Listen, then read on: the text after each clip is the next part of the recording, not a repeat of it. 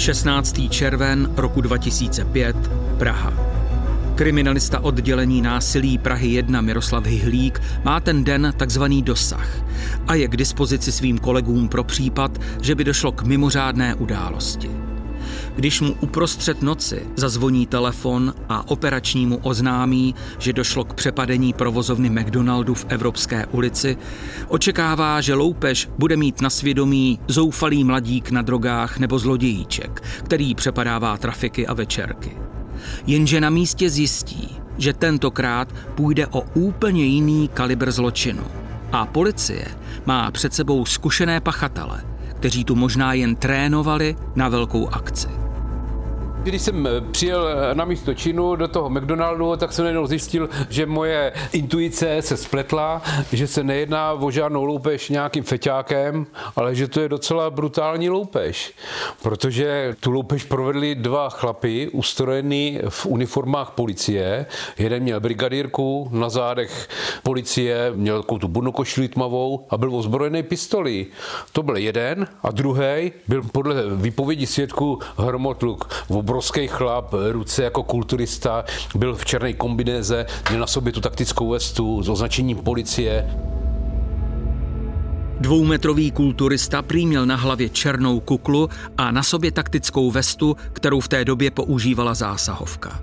A co bylo nejhorší, v ruce držel samopal, se kterým obsluze vyhrožoval. Opravdu to je velice nebezpečná zbraň.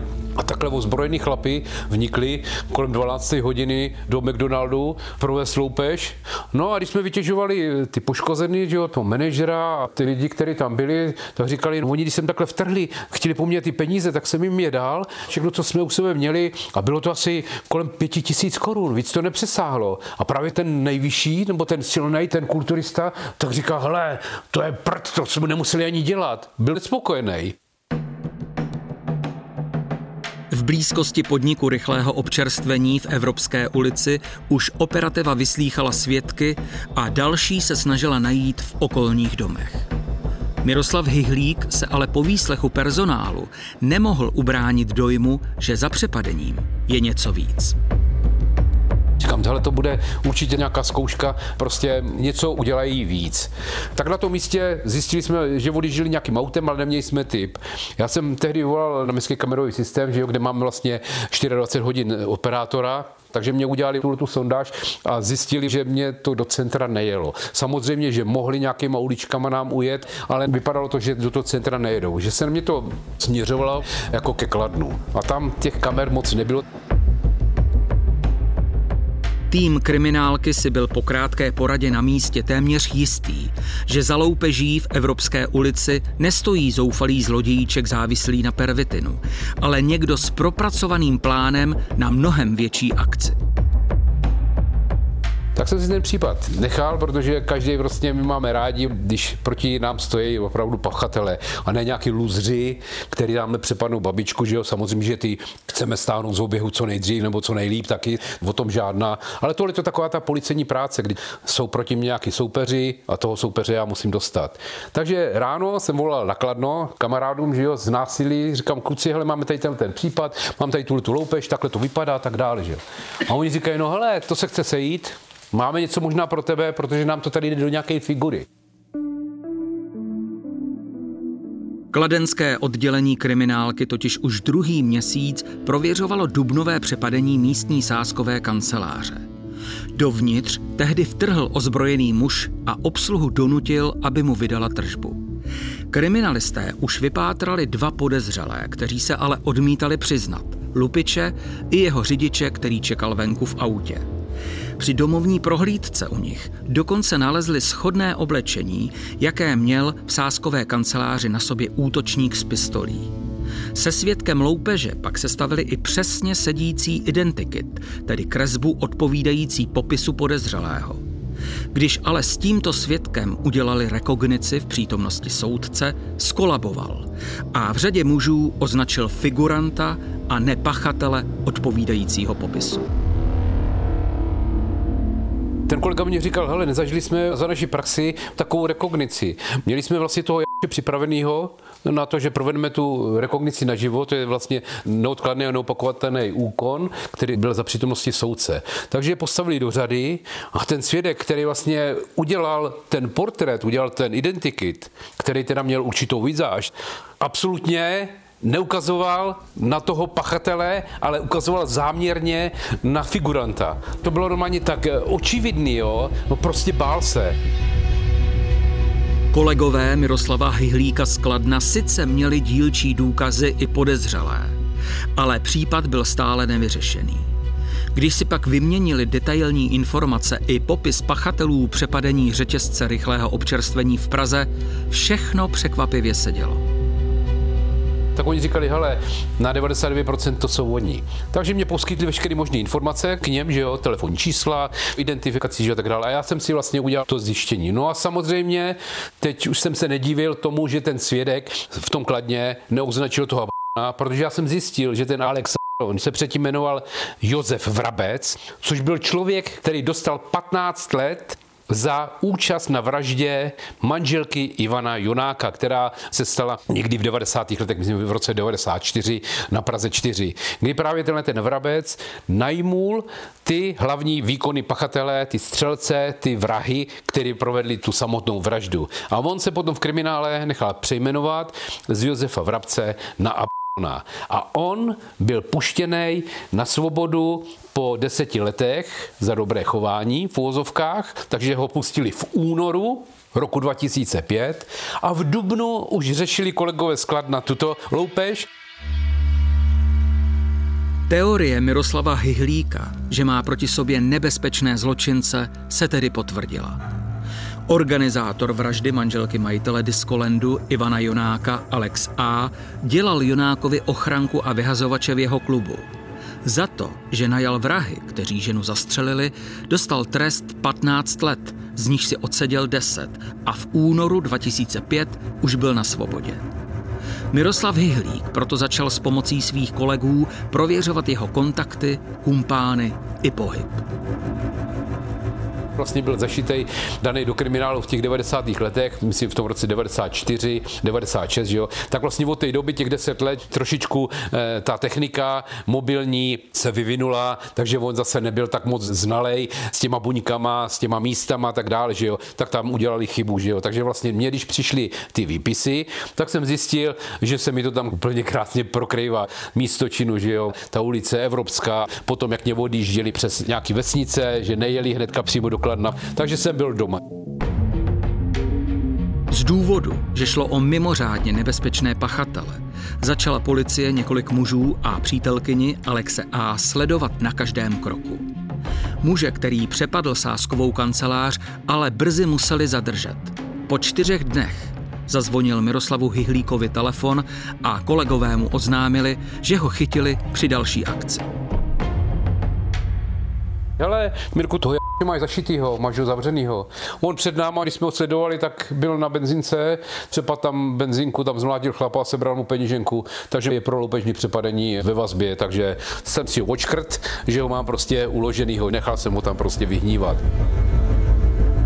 Miroslav Hyhlík se rozhodl zaměřit na Josefa Vrabce, tedy Alexandra A. a soustředil se na odposlechy okamžiku, kdy si poprvé nasadil sluchátka a byl připravený na několika hodinový poslech, upoutal ho nebývale rozrušený hovor, který ve zločineckém slengu odkazoval na nějakou nepodařenou akci.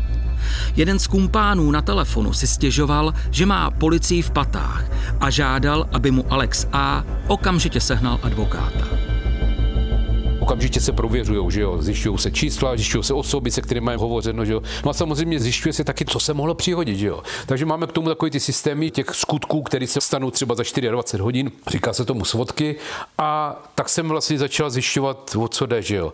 No a jenom jsem zjistil, že v Brně, zrovna ten den předtím, taky v uniformách policie došlo k loupežnému přepadení nějakého směnárníka, který přenášel půl milionu korun a 10 tisíc euro. To se stalo na ulici, kdy tam na něj narukovali tyhle ty frajeři a dokonce jeden měl v ruce samopal zase, tuhle tu kosu a tou kosou normálně zblízka mu prostřelil nohy.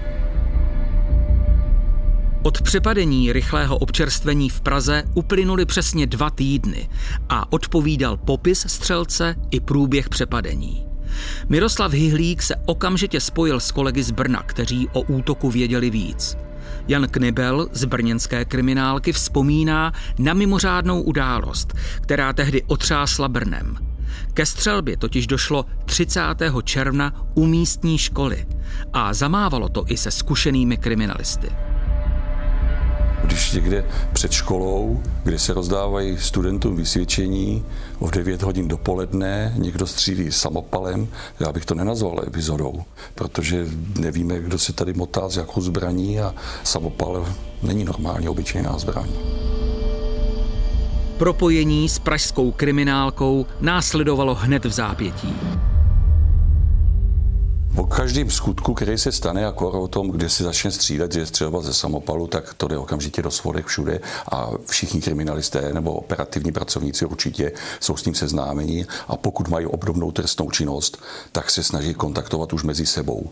A tady jsme měli právě štěstí velký, že už eh, kolegové z Prahy, kolega Mirek právě měl rozpracovanou skupinu lidí, kteří prováděli tuto trestnou činnost a obdobným způsobem. Brněnská Mordparta už věděla, že na místě bylo pět osob. Žena a muž jako řidiči a další tři osoby muži ukradli igelitku, ve které měl peníze. Alex A. měl v ruce samopal, se kterým se vrátil a prostřelil po loupeži směnárníkovi koleno. To byl směnárník. On využíval kurzovních rozdílů u směnárníků v rámci Brna na různé měny a on vždycky u jednoho směnárníka levně nakoupil a u druhého směnárníka výhodně prodal a na tom vydělával. Směnárníci v rámci Brna v té době byli z arabské komunity a oni se to samozřejmě dověděli, protože si to mezi sebou řekli. On popisoval, že na něj z ničeho nic zautočili dvě nebo tři osoby, sebrali mu tašku, v který měl ty peníze a poté ho i postřelili. Všiml si právě, že měli na sobě oblečení policie. Myslím, že i říkal, že křičeli policie, ať se vzdá, ať se jakoby nebrání. A pak ho postřelili, naskočili do aut a ujeli. Postřelený směnárník zůstal ležet na chodníku, kde se k němu začali zbíhat lidé. Ti byli také nejcennějšími svědky brněnské policie, protože si všimli, že pachatelé nastoupili do dvou aut se středočeskými SPZ-kami. Modus operandi byl úplně stejný. Používali samopal, když u nich v Praze nikdy nestříleli, ale měli na těch skutcích samopal, používali ty taktické vesty a popis jednoho pachatelu, který by měl být takový větší chlap, obrovský, tak ten seděl i na popis našeho pachatele. Ty SPZky byly na základě mravenčí práce v okolí místa činu kde se proběhli všichni sousedé, všechny domy, které byly v okolí, kteří by mohli něco vidět. A nám de facto tady v tomhle tom hodně pomohlo, že tam došlo k té střelbě. To je takový paradox, protože všichni se probudili v okolí a podívali se z okna, co se děje. No a oni v zápětí po té střelbě utíkali do aut, nastupovali do nich a stáli, tak oni museli vycouvat, čili už to bylo vidět a díky všímavosti okolí jsme věděli ty SPZky. Brněnská kriminálka měla štěstí a podezřelá auta objevili pozorní technici hned na několika kamerových záznamech. Obě mířila na dálnici, kde je pak zachytili další kamery, jak pokračují směrem na Prahu. Kluci přijeli, přivezli spis, dávali jsme to dohromady, no a samozřejmě zjistili jsme, že to je ono, že jo, přesně, že vlastně ten On s tou svojí skupinou provedl tohleto loupežní přepadení. Tak jsme zvolili nějakou strategii, že jo, s tím, že nějakým způsobem je budu hlídat a budu to nějakým způsobem dávat dohromady. Domluvili jsme si další postup, jak by to bylo nejlepší. Oni měli nějaké skutky, my jsme měli ten závažnější skutek, ale vlastně realizaci toho hlavního pachatele, toho Alexe, po naší vzájemné domluvě jsme nechali, že to provedou v Praze v hodném okamžiku. Neustále v těch odposleších probíhalo to, že se na něco připravují, že tam je něco velkého, že chtějí zbraně, On telefonoval s nějakým překupníkem nebo nějakým, kdo mu měl donést zase další samopal. On to nazýval, hele, přines mě to velký, to vošklivý, to dlouhý, takový, víš, o čem mluvím. Těma dle věcma prostě oni se nějakým způsobem začali zabývat, že jo. A neustále tam probíhaly telefonáty s Ukrajinci, s nějakým Míšou a s nějakým Tigranem. To byli výkonní vojáci, kterým a on nabízel, že až sem přijedou, že to bude suprový, že má pro ně práci, že budou z toho velký velké peníze. V té chvíli už úzce spolupracovala pražská, kladenská i brněnská kriminálka. A právě z Kladna se kolegové ozvali se zajímavou zprávou od svého zdroje z podsvětí. Podle něj se Alex A. alias Josef Vrabec se svými kumpány domlouval na přepadení banky nebo kurzovního vozu, který převáží vysoké částky mezi peněžními ústavy. Sledování a odposlechy v té době běžely na maximum. A takřka online sledoval Miroslav Hyhlík i loupež, kterou gang udělal v domě prarodičů v Rabcově přítelkyně. Tam ukradli dvě pistole sebrali tam ty zbraně, sebrali tam zlato, peníze a potom vlastně se tam dokonce již domluvají, hele, nemáš nějakého znalce na zlato a kameny a v druhém rozhovoru, hele, potřeboval bych ještě nějaký včelky do toho, nemám včelky. Takže už jsme viděli, že chce střelivo do zbraní, má pistoli. Bylo to horký, že jo, už jsme cítili, že se už něco děje. Celý to bylo posazený na těch vojácích, který mu měli přijet z té Ukrajiny. O pár dnů později se oba vojáci objevili na Kladensku. Alex A. je ubytoval a zásoboval jídlem, pitím a holkami. Jakmile jsem zjistil, že se tyhle ty dva výkony vojáci už dostali do republiky a on už je má schovaný na jedné ubytovně a věděli jsme, že jsou ozbrojeni. Je tady prokázané, že tady byly dvě pistole z té vloupačky, že jo. Plus ještě jsme nevěděli, jestli ten samopal další sehnal nebo nesehnal. Už vlastně jsme věděli, že už jde do tuhyho, že už to prostě musíme stáhnout. Pokud tyhle ty cizinci tady ještě nebyli a ještě se to tam licitovalo, tak ještě vlastně to bylo v nějaké té přípravě. A jakmile mě přijeli a byli tady, tak jsme si říkali, hele, teď už do toho jdeme. Takže vlastně jsem mi nechal sledovat a jakmile mě vyjeli, vyjeli mě tehdy na magistrálu a jeli kolem hlavního nádraží. V té době už jsme sledovali i se zásahovou jednotkou středočeského kraje, tak tam jim zablokovali silnici a tam jsme je prostě zmákli. Tam jsme všechny zatkli.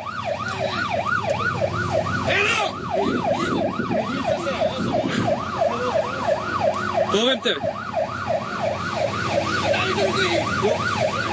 Hele, navrhoval jeho k. Ano. Zbytek s do auta. Udělal si trochu větší akce, protože skutečně ten Alex, to je silný chlap. Obrovský. On má na výšku 2 metry 5, na váhu v té době mohl mít podle mě takový 150 kg určitě, ale to bylo 150 kg svalů, protože on za těch 12 let, co byl v tom výkonu trestu, tak on tam nic jiného nedělal, než cvičil. Takže to bylo vyloženě svaly, které tam získal ze stravy, žádný doplňky stravy neměl, protože to si tam v tom kriminále asi nemůže dovolit. Takže to byly vyloženě jenom svaly a svaly. Celý ten případ byl opravdu rozvíjící se organizovaná skupina zločinců, že jo, který od jedné loupežičky vlastně rozběhli celou sérii těchto těch loupeží, že jo, který se dá říct gradovali, že jo. My jsme se nachystali, jakmile oni si to zrealizovali, tak v zápětí jsme zrealizovali my zbytek pachatelů, kteří se na tomhle tom podíleli tady u nás v Brně. Pak začalo normální klasické kolečko, výslechy a tam právě se nám podařilo, že ten hlavní pachatel Alex nám veškerou trestnou činnost doznal, hlavně nám to popsal všechno, jak to bylo, proč to bylo, proč střílel, že to měla být údajně nějaká výstraha. Brněnští kriminalisté se před jeho výslechem poradili s pražskými kolegy, kteří ho v případu vraždy Jonákovy manželky dostali do vězení jako organizátora. On byl předtím za tu vraždu v Praze dělený. Samozřejmě tam ho taky někdo vyslýchal, takže jsme se s nima spojili, s Pražákama a ti nám řekli, jakým způsobem máme s ním komunikovat. Postřelený směnárník byl zřejmě trnem v oku svým kolegům z arabské komunity a ti se rozhodli dát mu lekci. Alex A. se k němu poté, co mu kumpáni vytrhli igelitku z penězi a srazili ho k zemi, vrátil a zblízka na něj vystřelil. Velmi silný, ale v té hlavě to měl trochu jednoduchý. On dělal za peníze a co mu kdo řekl. To už bylo vidět na té vraždě, kterou provedl jako svůj první velký skutek. A tady tohle to taky. To bylo to samé úplně.